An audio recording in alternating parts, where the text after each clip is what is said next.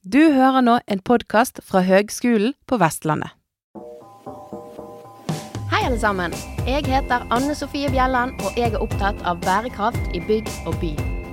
Byggenæringen er i endring, og den vil endre seg radikalt de kommende årene når vi strekker oss etter å nå klimamålene. Det er utrolig mye som skjer samtidig.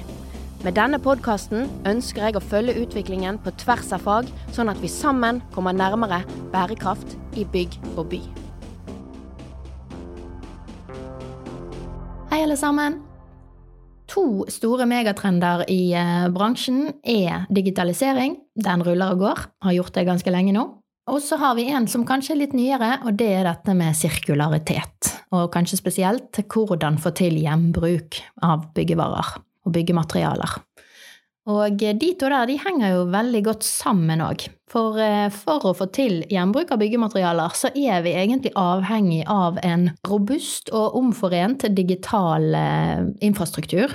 Og for så vidt en, eh, en fysisk en.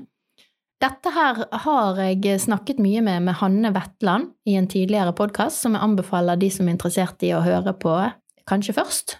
Men jeg var litt interessert i å høre hvordan dette her funker i praksis. Og ikke minst dette med det digitale grensesnittet. Hvor, hvor langt har vi kommet? Eh, hvor ligger liksom fronten her? Og for å eh, finne ut av det, så har jeg snakket med BIM-utvikler i Sveko, Kine Ebbet Solberg. Halla, Kine. Hallo. Du, takk for at du fikk deg tid til å prate med meg. Selvfølgelig. Veldig kjekt. Ja, så bra. Vi må først begynne med bakgrunnen din eh, og rolle der du er i dag. Stemmer det at du har gått her på høyskolen? Ja, eller ikke her på høyskolen, dessverre. Nei, ikke her. triste bygget i Nygårdsgaten. Litt sånn rett før jeg egentlig flyttet inn eh, her, nesten. Så det er veldig, veldig trist at jeg ikke har fått gått her. Men um, jeg tok en bachelor i energiteknologi. Mm. Uh, og så har jeg etterpå gått i København, på DTU, på um, noe som heter bæredyktig energi i bygg. All right, ja. Så spennende. da. så der eh, ja, spesialiserte meg litt innenfor uh, energibruk i, i, bygg og sånn. Mm. Ja, stilig. Og så, um, når jeg var ferdig der, eller ikke når jeg var ferdig, men når jeg skulle skrive masteren, så tok jeg en liten turné i Bergen i en ferie for å høre om noen som var interessert i å ha en masterstudent gående i gangene. Så da um, var det til slutt Sveko som bet på den. Så da skrev jeg en master sammen med Sveko, som gikk på Ja, jeg sjekket rett og slett eh, et bygg de hadde prosjektert. Om de prosjekterte verdiene stemte med det jeg målte rundt i bygget. da, av eh, Luftmengder og sånn? Ja, luftmengder og CO2-konsentrasjon og temperatur og, og eh, alt mulig sånn. Stemte det? Nei. Nei. Bombe? det var jo veldig interessant for de da, å se hvordan det var. Det var jo totalentreprise og sånn, så de hadde jo ikke så mye med med hvordan bygget ble brukt etterpå, eller oppfølging i driftstid og den type ting. Mm. Det var én. Den morsomste tingen var vel kanskje Eller morsomt og morsomt, det var jo litt tragisk, da. Men varmepumpen på bygget gikk ikke. Og dette bygget var to år gammelt. Oi. Eh, så de drev og fyrte varmeanlegget direkte på elektrisitet fordi at de hadde mistet fjernkontrollen fjernkontroll to ganger. Ja, sant. så sånn kan det òg være i disse byggene våre. Ja, ja, ja. ja. Men uh, ja, så var jeg ferdig med den. Så ble jeg nå sittende til de ga meg en jobb. Lur taktikk. Ja. Husk den, studenter. ja. Hadde en liten tur til, til Asia og Australia først på, på, høsten, og så begynte jeg etter jul. Fikk lov til å ta meg en liten svipptur før jeg skulle begynne det harde yrkeslivet. Ja, lurt. Mm. Mm. Og så har jeg nå um, Det begynner å bli en stund siden nå. Jeg begynte i januar 2014 i Sveko. Og det har ikke jeg klart å komme meg eh, fra. ja, trives tydeligvis. Ja, gjør tydeligvis det. Eh, så da begynte jeg på VVS-avdelingen der som VVS-rådgiver. Og så har han nå gjort veldig mye uh, av det som går på VVS-faglig i prosjekter. Um, det er jo et veldig stort fag som varme, ventilasjon, kjøling, sanitær, sprinkler. Har på en måte vært mm. innom alt. Mm. Så det er litt sånn VVS-potet. og så begynte jeg for alvor uh, etter hvert å interessere meg for det som går på BIM. Mm.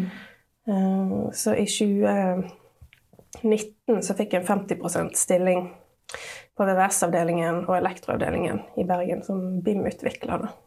Ja.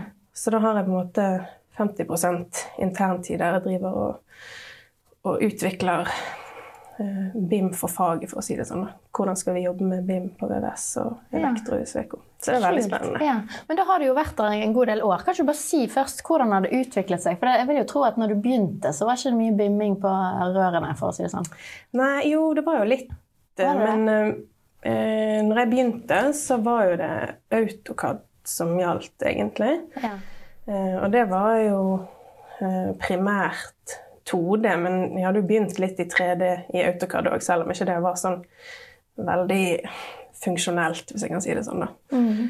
Eh, Så jeg jobbet veldig, veldig lenge i i AutoCAD selv mens de begynte å innføre Revit. Jeg var egentlig ganske sein med å, Ah, med å bytte over. Eh, og så begynte jo uh, Revit å bli eh, den vanligste den vanligste softwaren vi bruker. Eh, men jeg husker det første de første prosjektene mine, da var det jo ingen selvfølge at folk prosjekterte i, i 3D. Det aller første prosjektet, da tror jeg vi eh, Altså, da jobbet jo i AutoCAD, men du får jo ut 3D-IFC-er, f.eks., fra Mm. AutoCAD. Mm. Eh, og da prosjekterte vi og Elektro i 3D, og så var Rib var i 3D, og så var arkitekten de tegnet i 2D. så når vi på en måte hadde våre 3D-modeller, så var det bare Rib og tekniske fag, og så måtte liksom legge på arkitekten i 2D. Ja. Det høres helt dinosaur ut, og det er ikke så lenge siden. Nei, nei, Men det har gått veldig fort. Ja, men da vil det si at eh, dere brukte 3D i forhold til kollisjonstester og litt sånn gjennomføringsplanlegging, kanskje?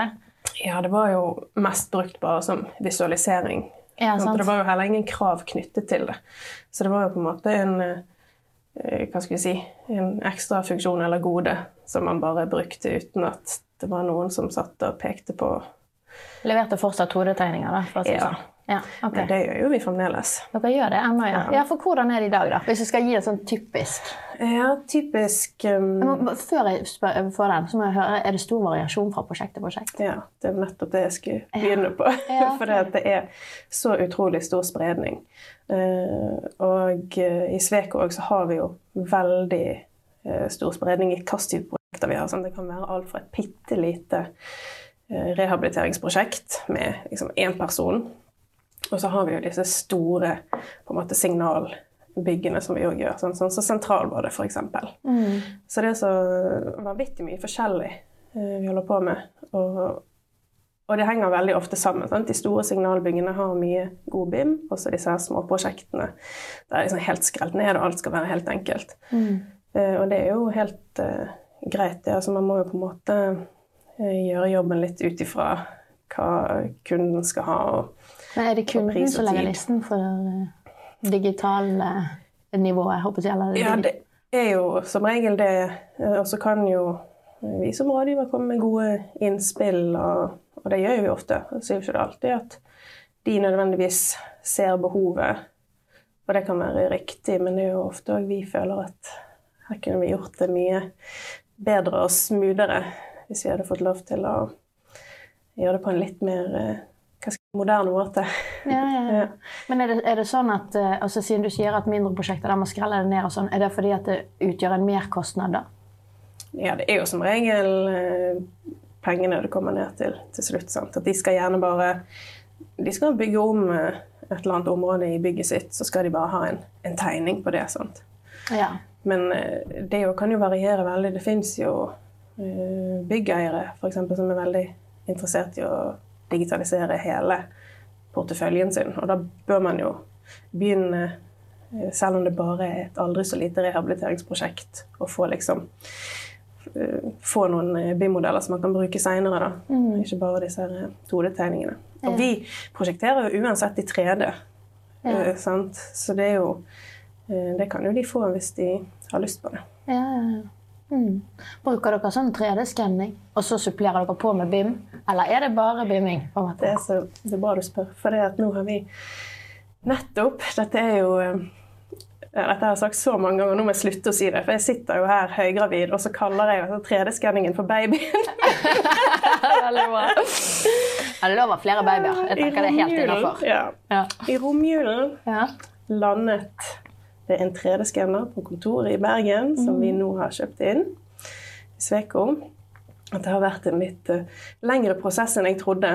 Eh, for jeg, eh, jeg hadde veldig lyst til at vi skulle få kjøpt en sånn 3D-skanner eh, på kontoret i Bergen til å kunne bruke både i våre interne prosjekter for å gå litt bedre befaringer, men òg for å kunne selge skann til kunde for de som ønsker det, og digitalisere bygningsmassen sin.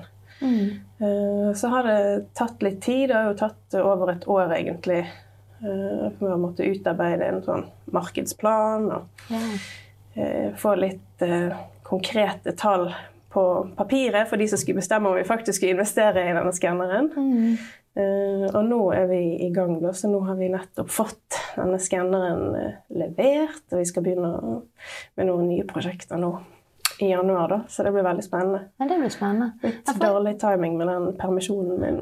Ja, med den andre babyen, tenker du Den på. andre babyen. Ja da, men den skanneren står jo der når du er tilbake. Ja. Men jeg tenker den, for det, det er jo litt sånn, hvis du sitter på bygningsmasse, sant, og så skal du ha den digitalisert, så er det på en måte, skal du skanne eller skal du bimme? Og skanner du, så får du jo på en måte en mer korrekt Du får jo ikke de samme eh, BIM-elementene, objektene og alt det der greiene der. altså Ikke samme infoen, men du får jo mer virkelig hvis du har sin nedbøyning på et dekk og sånn. Ja, og det er jo det som er tanken, at man skal bruke det sammen. Eh, På et eller annet tidspunkt så kommer jo teknologien dit at vi kan bare med et knips omgjøre den skannen til en brukbar eh, BIM-modell som vi kan bruke i vår arbeidshverdag. Sånn som det er nå, eh, den skanneren vi har kjøpt, det er en sånn bærbar som du har på deg. Han heter Nevis Velex, så du går liksom rundt som en sånn eh, robotdame da, i bygget. Og så tar du både eh, 3D-bilder, og så får du òg en sånn punktsky, som det heter. Ja. Og det er jo den punktskyen du kan laste inn i prosjekteringsprogrammene. da. ja. Og bruke sammen med eh, den BIM-modellen som du faktisk jo sitter og tegner. Ja. Eh, og så er jo selvfølgelig håpet Eller ikke håpet, det kommer jo til å skje at man på et eller annet tidspunkt kan ta den punktskyen og bare Ta-ta! Nå har dette blitt elementer i min, eh, i min eh, BIM-modell. ja, så du kan tilføre informasjon. Ja. Ja. Og har faktisk eh, Ja, nå begynner det å bli en stund siden, da. Men uh, hadde et Skype-møte med et amerikansk firma som drev og så på akkurat det der. Og de hadde klart å få til en sånn plug-in til Revit der de klarte å gjenkjenne objekter, og så ble det sånn automatisk laget en rørfamilie, f.eks. Ja. Av det vi gjenkjente. Da. Så folk holder jo på. Det er jo litt sånn månekappløp nå, føler jeg. Hvem klarer det der først? Sant? Og, og omgjøre denne punktskien til en fullverdig bymodell. Så det er litt spennende. Mm, absolutt. Så gøy. Men nå er vi jo på en måte litt inne på, på det som jeg ville snakke med deg aller mest om. da. Eh, men bare for å oppsummere først. Så digitaliseringen i byggebransjen den opplever du som veldig varierende. Ja. Ja, Fra ulike aktører og så videre. ja, det er jo både ulike aktører, men jeg går jo på personnivå. Vi er jo på en Ja, måte bare folk hele gjengen. sant? Og, den, og sånn er jo det i prosjektene òg. En som har null erfaring i BIM, skal jobbe sammen med en eh, BIM-ekspert. Og så må vi på en måte ta det derfra. Og det er jo veldig fint òg. Men det er jo klart at eh, det går jo Noen syns nok det går veldig fort. Sant? Og så er det noen som syns det går kjempe, kjempetreigt. Og sånn er jo det bare. Mm. Men hva er det viktigste som eh, på en måte produktleverandører og entreprenører må tenke på nå som eh, man blir mer og mer digital? Tenker du? Eller hva, hva må vinnerne huske på? Eh, når det gjelder leverandørene, så må de De må Det er veldig mange som er veldig flinke til å lage BIM-objekter av det de leverer. Og så er det en del som ikke er det. Og de må virkelig eh, tenke seg om nå. Ja. For det er jo sånn at eh, nå er kravene at alt du bygger, skal du finne i BIM-modellen. Mm. Og all informasjon skal du òg finne i BIM-modellen om det du bygger. Eh, Og hvis ikke vi kan finne produkter virtuelt, så kan ikke vi legge det inn i modellen vår. Og da får jo ikke leverandører som ikke har BIM-objekter, solgt det de har å tilby. Um, så jeg var faktisk på en eh, konferanse for en tid tilbake og snakket til noen leverandører om akkurat det. da. Uh, og jeg hadde i hvert fall inntrykk av at det var noen som var litt sånn svett Ja. etter den. Gikk rett hjem og Ja. fant seg en som kunne modellere. Men sånn er det. Fordi at um, Hvis ikke rådgiveren kan sette det inn i modellen, så blir ikke det kjøpt. og det blir ikke det bygget. Mm. Du må ha én-til-én-modell og det som skal få byggeplass etter hvert. Mm. Men altså, en ting er at du har den fysiske dingsebomsen, eller ikke fysisk, da, han er jo virtuell, men altså at du kan hente den fra et eller annet bibliotek eller et eller annet. Men hvilken informasjon følger med der, da? Ja, Det er jo veldig varierende, det òg. Ja, det vil jeg tro, for det er vel ikke en sånn derre Sånn skal dette skje. Nei. Det fins ikke ennå en standard. Eh, Men eh, det, eksempel på, på luft og varme og kjøling så opplever jeg at mange av de store leverandørene er veldig flinke til å legge inn informasjon som vi kan bruke når vi eh, beregner systemene i våre modelleringsprogrammer. Mm. Eh, Så det uh, syns jeg fungerer relativt godt. Eh, Men så er jo det òg mye informasjon som skal tilføres av rådgiver. Mm. Og det er jo veldig ofte prosjektspesifikt. Eh, selvfølgelig alt som går på tagging av komponenter og sånt, prøver man jo å forholde seg til Hva betyr det? Tagging av komponenter? Ja, hva- Jeg ser for meg en sprayboks på en vegg, liksom. Når du sier tagging av komponenter. Men det var sikkert ikke det du mente. Nei, jeg mener hvilke hvilket navn og nummer en komponent skal ha. Sant? Å ja, ja, ja som- nummerer, altså for å få system, ja. Mm. For det skal jo si noe om hvilken type komponent dette er. Mm. Og så skal det ha et liksom, løpenummer i rekken. eh, gjerne sånn hva bygg hører det til. Alt dette her eh, selv om det fins standard og sånn tverrfaglig merkesystem, så er det jo likevel veldig ofte at det varierer fra bygg til bygg hvordan du skal Ja. bygge opp den strengen. Mm. Eh, og det er jo sånn som eh, rådgiveren ofte står for, ting man må bli enige om Mm. eh, i prosjekter. Eh, så det er jo sånne ting som skal tilføres etterpå, f.eks. Men jobber ikke Building Smart med å lage en slags standard for sånne greier? Jo, vi har jo tverrfaglig merkesystem, og den fungerer okay. jo for så vidt godt. Ja. Men så er jo det eh, mye allikevel for mye variasjoner Ja, i bygg og fra prosjekt til prosjekt. Så noen vil kanskje dele opp sonevis, og så skal man ha på en måte ett system her og ett system der, og så deler man inn sånn. Så det er alltid tilpasninger Mm. som må gjøres. da. Ja, den ser jeg. Men i det store og det hele så er vi jo relativt flinke til å forholde oss til det merkesystemet vi har vedtatt. 360 er ventilasjon, f.eks. Mm. ja. Ok, men bare for å oppsummere da. Når du skal sitte og prosjektere noe, et eh, system, da, så trenger du en ventil. Så eh, finner du en ventil i et sånn her eh, digitalt eh, bibliotek, eh, der leverandøren har laget et objekt, og der følger det med eh, en viss informasjon eh, om mål og ditt og datt og det du trenger for å dimensjonere, og kanskje litt om FTV. Ja. Ja, kanskje litt om miljø. Uh, helst, i hvert Nå, fall. nå begynner vi liksom å komme inn på det der, sant? som Ja. ikke er helt uh, på plass ennå òg. Nei, ok. og det med f.eks. hvilke materialer en ventil består av. Mm. Nå ja, holdt på å si en liten digresjon, men ikke likevel. Jeg holder på med et sånn pionerprogram, heter det, for noe som heter Madaster. Mm. Og det er et eh, digitalt register for alle materialer i bygg. Eh, og det man gjør da, det er at man skal kunne laste opp en IFC eh, på nettet til denne Madaster-huben, og så skal den kunne lese av f.eks. sirkulariteten til bygget, basert på hvilke materialer bygget består av. Altså, når du sier sirkulariteten, mener du da på en måte gjenbrukspotensialet? Ja. Hvor okay. ombrukbart er dette bygget? Og så skal du òg vite akkurat hvilke materialer bygget består av, hvor de befinner seg i bygget. Eh, sånn at du kan få opp sant? eh, Kledningen består liksom av 70% sånn og sånn, og så 20% ditten og datten. Eh, og det er der vi på en måte ikke helt er i mål. For det at når jeg henter ned en ventil for fra disse bibliotekene, så er det veldig sjelden at, jeg, at det er oppgitt akkurat hvilke materialer en okay. ventil består av. Det består jo av jeg vet ikke hvor mange materialer en sånn ventil kan bestå av. Det er jo en litt sånn komplisert komponent. Mm. Men de har vel regnet ut eh, CO2-utslipp sånn, til eh, sånne eh, LCA-analyser og sånn? Ja, da, det har de vel. Eller klimagassregnskap? Helt sikkert. Um, men det ikke nødvendigvis at den informasjonen alltid ligger på objektet i, i BIM. Nei, jeg skjønner. Um, så vi har jo en, en vei å gå på mye av det som har med miljø og, ja, og sirkularitet å gjøre, som vi sikkert skal snakke om. Ja, for det, nå har vi jo tatt liksom, Hvis du skal kjøpe deg en dings som er helt ny, sant? Mm. Eh, der noen har en fabrikk å forholde seg til, eh, der de vet hva som er i, i materialet, og kan jo oppgi det hvis de bare gjør jobben med å jeg håper å si, dokumentere dette her i det BIM-objektet. Mm. Men så kommer jo vi til det der med å bruke, altså få til gjenbruk av byggematerialer. Og der har jo dere gjort et, eh, i hvert fall ett forsøk. Du Kan ikke du fortelle hvordan dere har Jo. jobbet med det?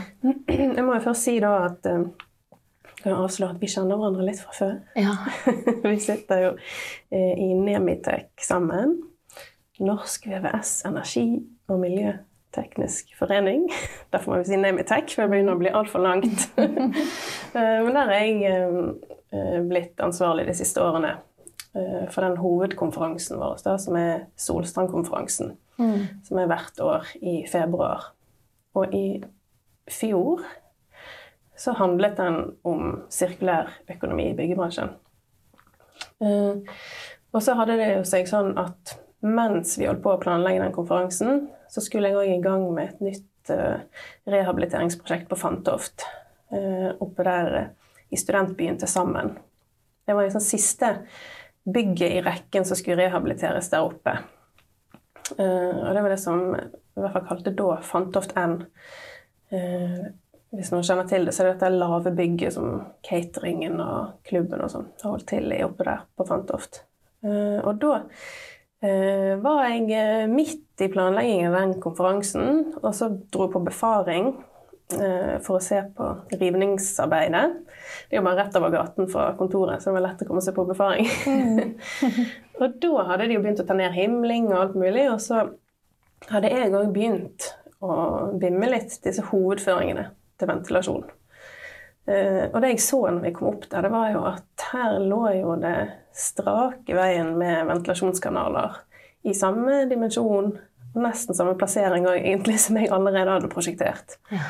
Så da var jo det lett å mane frem denne her tanken om at her må vi prøve å bruke om disse kanalene. Eh, Så da var det rett og slett bare å, å spørre dere er interessert i vi skal prøve å, å gjøre noe her og bruke om eh, kanalene. Eh, Så da sto det oppe da med sant, eh, Sammen og Lars Jønsson, som var totalentreprenør, og så var det jo Tevas, som var ventilasjonsentreprenør. Mm. Så da er jo det sånn det alltid er, at noen er jo litt sånn skeptiske. Og det kommer til å ta mye tid og koste mye penger og den regelen der. Mm.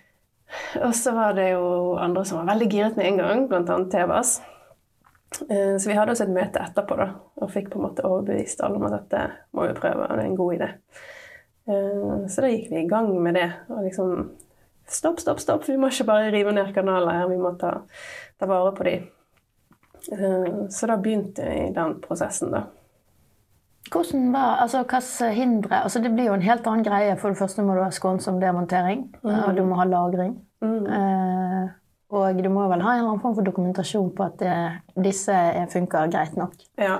Og dette var jo et stort uh, samarbeid og litt sånn uh, test vi gjorde. Uh, sånn at jeg er veldig imponert over hvordan alle aktørene egentlig bare tok sin del av, av kaken. Da. Eh, Lars Jønsson eksempel, de holder jo på med alle byggene der oppe. Så de stilte med, med lager i et av disse andre byggene i kjelleren der. Sånn at vi trengte på en måte ikke å transportere det eh, noe langt. Eh, og så eh, Teva sitter jo òg eh, de er en del av denne alliergruppen. Eh, og der er det òg et firma som heter Rørhab. Eh, så de driver jo med, med rensing sånn av ventilasjonskanaler. Så da fikk vi de til å, til å rense kanalene. Det ble plukket ned skånsomt, som du sier.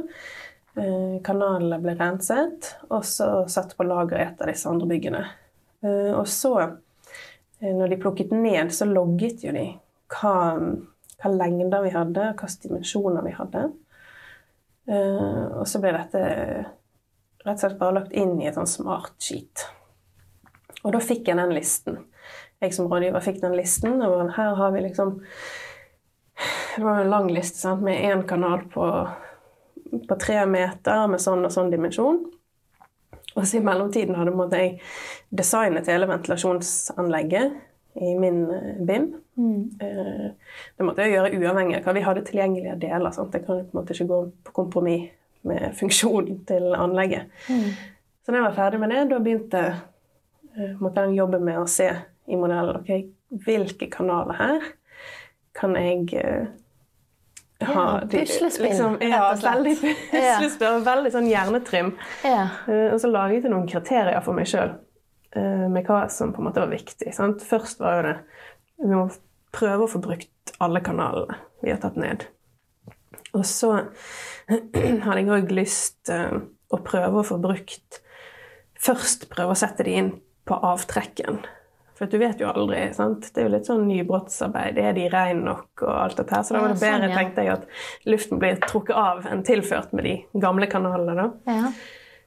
Og så, for byggeplassen sin del, eh, så prøvde jeg å få til litt sånn god logistikk og på en måte samle de litt sånn i ett område. Uh, og, ja, det var noen sånn andre kriterier òg, men eh, det gikk jo overhodet ikke å holde dette her med å prøve å samle de i ett område. For til slutt du måtte jo bare plukke de som fantes. Sånn. Og så var det òg et mål ja, det har jo vært av de siste kriteriene. At du må jo prøve å klare å beholde den lengden du har.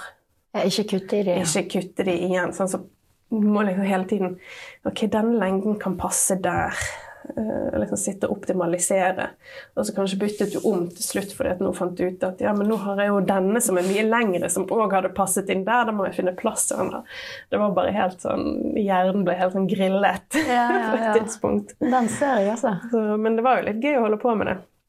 Eh, men der er jo Spesielt der sånn, ser jeg jo et potensial i framtiden til å kunne utvikle noe smart i modelleringsprogrammene som gjør dette automatisk. Sant? Ja, for de vil jo kunne Altså pusling, det kan man gjøre med sånn her eh, Hva heter det? AI eller et eller annet. Ja, men liksom hvis alle er BIM-objekter, sånn, så bare optimalisere komboen her. Ja, det er nettopp det. Sånn at hvis eh, Dette var på en måte første steget. Sant? Prøve litt og skjønne hvordan det hang sammen, gjøre det litt manuelt.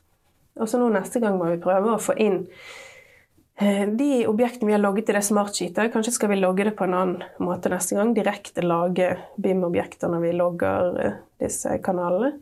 Sånn at eh, man kan lage f.eks.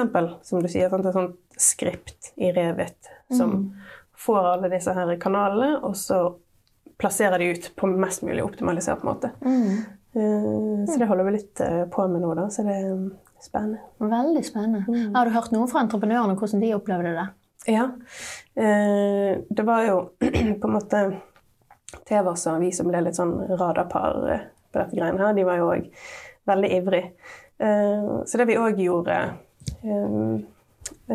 som var lurt i begynnelsen, hvis noen andre skal prøve seg på dette, her, det var jo å bli enig om hvilke kriterier vi skal eller hva vi skal måle og logge når vi holder på med dette. her. Vi hadde lyst til å gjøre en sånn livssyklusanalyse på om dette lønnet seg eller ikke. Eh, og så var jo òg selvfølgelig Tevas som ventilasjonsentreprenør interessert i å finne ut om det lønnet seg rent sånn økonomisk. Så vi gjorde jo begge deler, da. Eh, og den LCA-analysen var jo veldig eh, oppløftende. Eh, der gjorde vi jo til og med på tampen en, en analyse om hvordan det hadde vært hvis vi måtte frakte Så hvis vi hadde hatt et donorbygg istedenfor, som sto i Oslo f.eks. Ja. At vi skulle hente kanaler derfra. For det er jo òg noe som kan tenkes i fremtiden. Eller det må vi begynne med i fremtiden. Sånn. At vi skulle fått noen kanaler som skulle ut av et bygg i Oslo, kjøres over fjellet med trailer, og så skulle den traileren kjøre tilbake igjen òg. Men selv da svarte det seg med kjempegod margin. Så det er interessant å se at det på en måte Du kan gjøre så utrolig mye med, med frakt og lagring og rensing før eh, du begynner å gripe inn i hvor mye energi du faktisk bruker på å produsere disse kanalene. Sant? For det er jo der eh, det meste ligger. Mm. Men lønnsomhet, da? Ja, det var òg vittig. For det at uh, når vi holdt på med dette her, så var det midt i denne perioden der råvareprisene begynte å stige så grådig. Ja. Så han har gjort eh, to eh, beregninger, da. Han eh, Eirik, daglig leder i TVAS. Eh, og han presenterte jo dette på Solstrand-konferansen i fjor.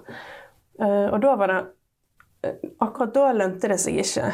Og litt av nøkkelen der, det var jo faktisk rådgiverteamene. Sant? For jeg satt, jeg tror jeg brukte 16 timer til sammen på å på en måte lage den eh, optimale løsningen. Da.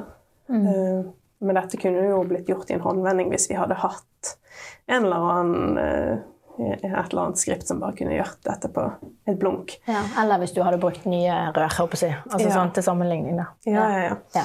Eh, For da tegner man jo på en måte bare rett ut. Ja. Uh, og så var det, spilte jo òg råvareprisen inn i dette bildet her. Så når han gjorde en kalkulasjon et halvt år senere, så gikk han plutselig null.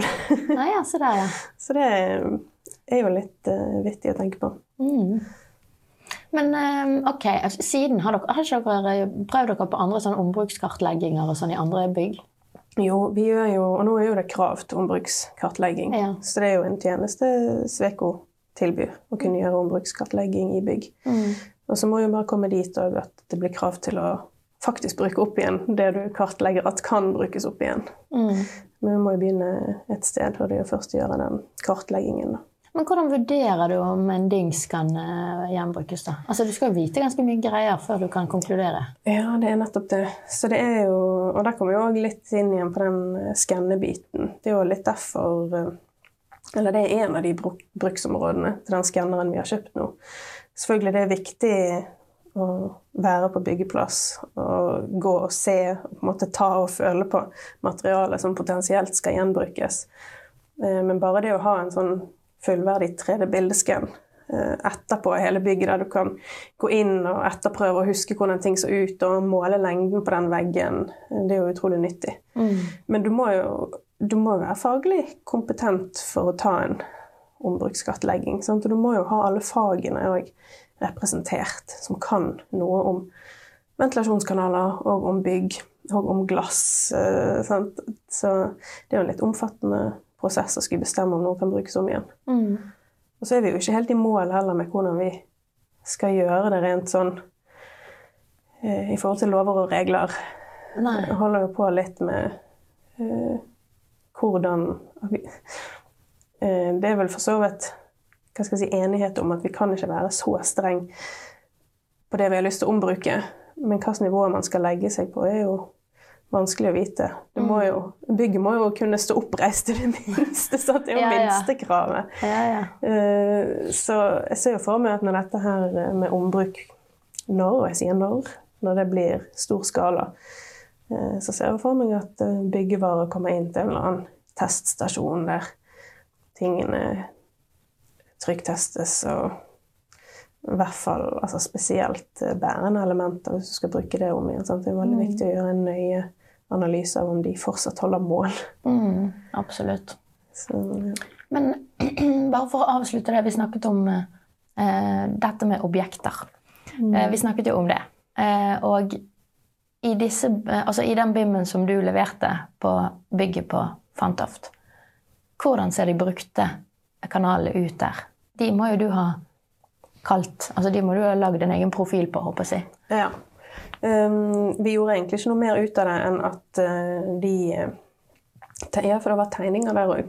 Altså, de får fortsatt 2D-tegninger på, på byggeplass. Så Ja. uh, der gjorde det rett og slett bare sånn at jeg uh, hadde de i en annen farge.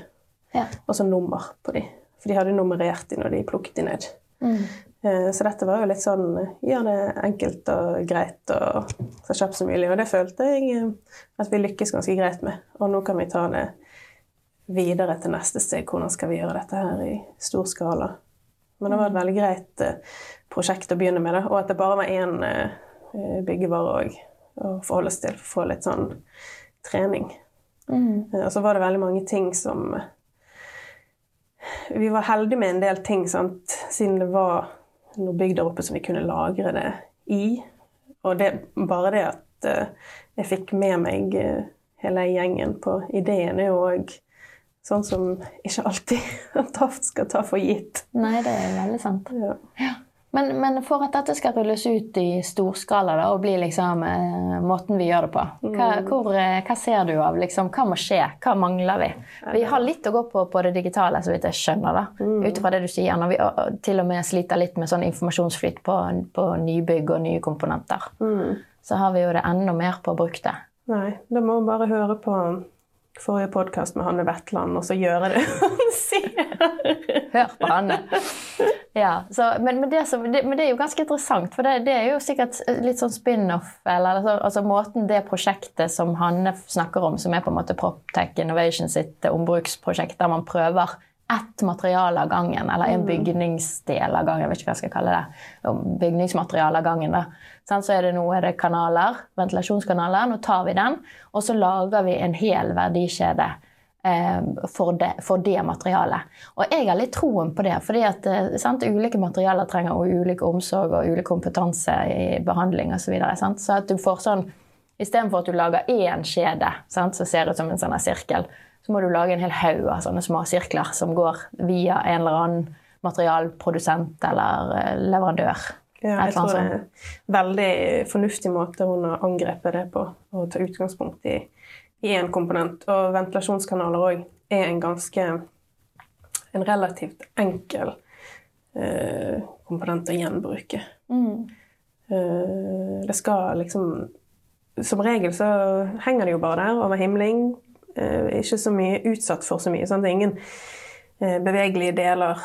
Eh, og så skal det bare renses og smelles opp igjen, egentlig. Mm.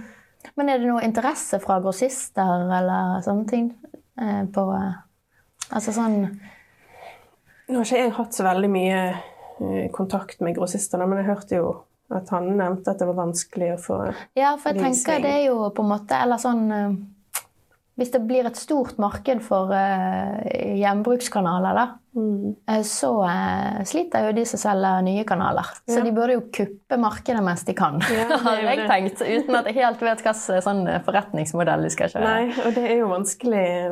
Jeg òg Nå har ikke jeg fått vært på Det har jo vært to sånne økter med, med workshop i for dette prosjektet til, til Hanne. og Jeg skulle jo vært der, men livet Livet tillot meg ikke.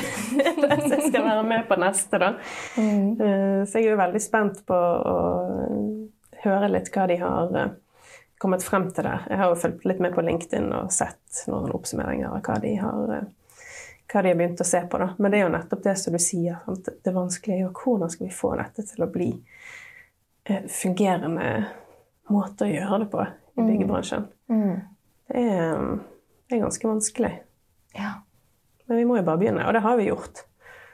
Uh, og så er det Det er rart å tenke på at for et år siden, når vi hadde den konferansen på Solsand om sirkulær økonomi, da føler jeg det var helt sånn Ingen visste noen ting av hva vi snakket om. Og så plutselig, ett år seinere, opplever jeg at dette er noe som alle snakker om.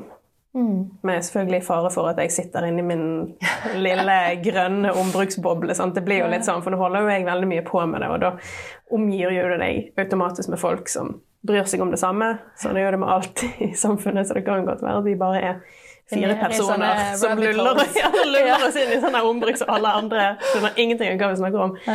Men eh, jeg opplever i hvert fall at det plutselig er kjempefokus på dette. da. Mm. Så jeg tror de som klarer å grabbe til seg eh, en eller annen smart eh, markedsandel på et eller annet, kommer til å gjøre det stort. Mm. Men det er jo litt eh, det, det drives jo litt Jeg tror du har helt rett i dine observasjoner, til tross for boblen. og, og jeg tror det, det, det skyldes jo òg litt sant? Du sa det var kommet krav til ombrukskartlegging, men også dette her med EU-taksonomien. sant? Den er jo litt sånn der Ja, ja, det er fint om du har lyst eller ikke lyst. Du skal! Ja. Det er jo litt sånn nå. Ja, og det er jo veldig fint at vi får noen insentiver som går direkte på det økonomiske. sant? Ikke bare liksom at det sitter en hippie her og en hippie der og sånn 'Dette skal vi få til, det bare koster fire millioner ekstra.' For det går jo ikke. Det må jo lønne seg, ellers så får vi aldri til noen ting. Og det er jo det som er den vanskelige nøtten å knekke. Eh, Og da trenger vi jo hjelp fra taksonomi og fra eh, stat og kommune og alt mulig til å dra i gang og være med og, og bidra litt uh, i det økonomiske med støtteordninger og det som skal til for at vi får på en måte ballen til å rulle. Mm. Men opplever du at eh, bestillere eller oppdragsgivere til dere spør mer om sånne ting? Eller opplever du at du fortsatt må selge det inn, sånn som du gjorde for et års tid siden? da? Ja, begge deler, egentlig. Eh, og det er derfor jeg synser om at nå snakker alle om det, på en måte. For det kommer faktisk eh, spørsmål og henvendelser. Eh, og den eh, gruppen vår i Sveko som, som, driver mye med sånne ting, den har jo vokst kolossalt bare dette året. Så det viser jo at det er et stort marked der ute for å gi gode råd på det som har med, med ombruk og sirkularitet å gjøre. Mm. Oh, veldig bra. Mm. Da går det rette veien. Det må bare skje, altså det er mange som må gjøre litt for at det skal ja. Jeg er veldig spent på hvordan, hvordan byggebransjen er om ti år. Ja. Uh, ja. Det blir, jeg, jeg tipper den er ganske annerledes, mm. for å si det sånn. Jeg håper det. ok, men helt på tampen, eh, Kine, har du noen gode råd til de som skal ut og forme fremtidens byggebransje? Apropos om ti år. Ja, det var det da. De kommer nok ut litt før om ti år. Det håper jeg, hvis jeg skal gjøre jobben min, da. Men jeg, så, jeg, var jo her nede på en sånn her eh, fagdag eh, for en tid tilbake sammen med deg og unge, lovende studenter, og da sa jo jeg at uh, at de må si ja. uh, at de må si ja til ting de, de, tror de ikke tør, eller sier ja til ting de tror de ikke kan. Uh, og hvert fall hvis du blir spurt om å gjøre et eller annet, holde et innlegg eller være med i et eller annet prosjekt, så si ja til det. For det, det er en grunn til at du blir spurt. Selv om du kanskje sitter der med en sånn følelse av at dette kan jeg ikke, eller det er sikkert noen andre som er mye flinkere enn meg, så stemmer det sannsynligvis ikke. Det er en grunn til at du blir spurt om å gjøre de tingene. Mm. Men så er det òg viktig å si ja til tingene du har lyst til, selvfølgelig. Ikke, ikke gå på kompromiss med deg sjøl eller uh, brenne deg helt ut. Men si ja til tingene du tror du ikke tør, som du har lyst til å gjøre. Mm. Det er et veldig godt uh, råd. Tusen takk for praten, Kine. Takk i like måte. Det var kjekt å være her. Gøy å høre at dette her nå uh, begynner å bli forsøkt ute i virkeligheten. Det er veldig kjekt. Og eh, det som Kine beskriver med utfordringer, det samsvarer veldig med det som forskningen sier òg, at de barrierene som er, de, er, de går på, på både kompetanse og da egentlig mye digital kompetanse eh, i forhold til å, å, kunne bygge opp denne her infrastrukturen. Men så går det også på dette med data og holdning til data, eh, tilgjengeliggjøring og standardisering av hvordan dataene skal eh, se ut, hva de skal inneholde, og eh, hvordan de skal være tilgjengelig på ulike plattformer. Så nå har vi på en måte en litt sånn kaosfase, kanskje, der det kommer veldig mange ulike initiativ og sånn, og så trenger man en slags harmonisering da, på tvers av denne spirende verdikjeden. Det blir utrolig spennende å følge. En annen ting er nok at det sikkert da påvirker helt sånne grunnleggende prosesser i bransjen, som hvordan vi arbeider osv. For det, det, blir litt sånn å starte på slutten, håper jeg, når du plutselig har eh, materialer kanskje som en premiss for hvordan du skal designe. Eh, så det kommer nok til å, til å eh, påvirke helt grunnleggende ting i bransjen òg. Så er det veldig gøy det som Kine er inne på i forhold til hvor hun, hvordan dette begynte, at hun begynte med gjenbruk. Eh, for det var jo gjennom denne her eh, Solstrandkonferansen. Eh, og meg og Kine sitter jo sammen i styret i, i Norsk energi- og miljøteknisk forening, som har Solstrandkonferansen i februar, 16. og 17. februar. I fjor var det sirkulær økonomi som var tematikken. Og i år så går vi altså litt sånn tilbake til det grunnleggende. For de aller største bærekraftsgevinstene, de kan vi nok hente i å bare gjøre altså forbedre de helt grunnleggende prosessene og systemene vi har i, i bransjen. Det har Sintef pekt på i forhold til digitalisering, at digitalisering faktisk, selv om det kan gjøre litt vondt i prosessen, så er det et utrolig eh, potensial til å spare inn både tid, utslipp og eh, penger. Det samme gjelder jo med dette her også for en bransje skal, som skal ha fokus på sosial bærekraft. Vi skal ha det bra i jobbene våre, vi skal ha et lavt konfliktnivå osv. Og, så og da er det disse her grunnleggende strukturene som kontraktsformer osv. Som, som kanskje legger litt føringer for disse tingene, da. Eller er det det? Disse tingene her de skal vi snakke om på Solstrandkonferansen i år. Den heter så mye som bransjeterapi. Vi må snakke sammen. Så eh, den gleder jeg meg til, og vil anbefale alle som har interesser i byggebransjen om å ta en titt på og melde seg på. Ha det godt, folkens!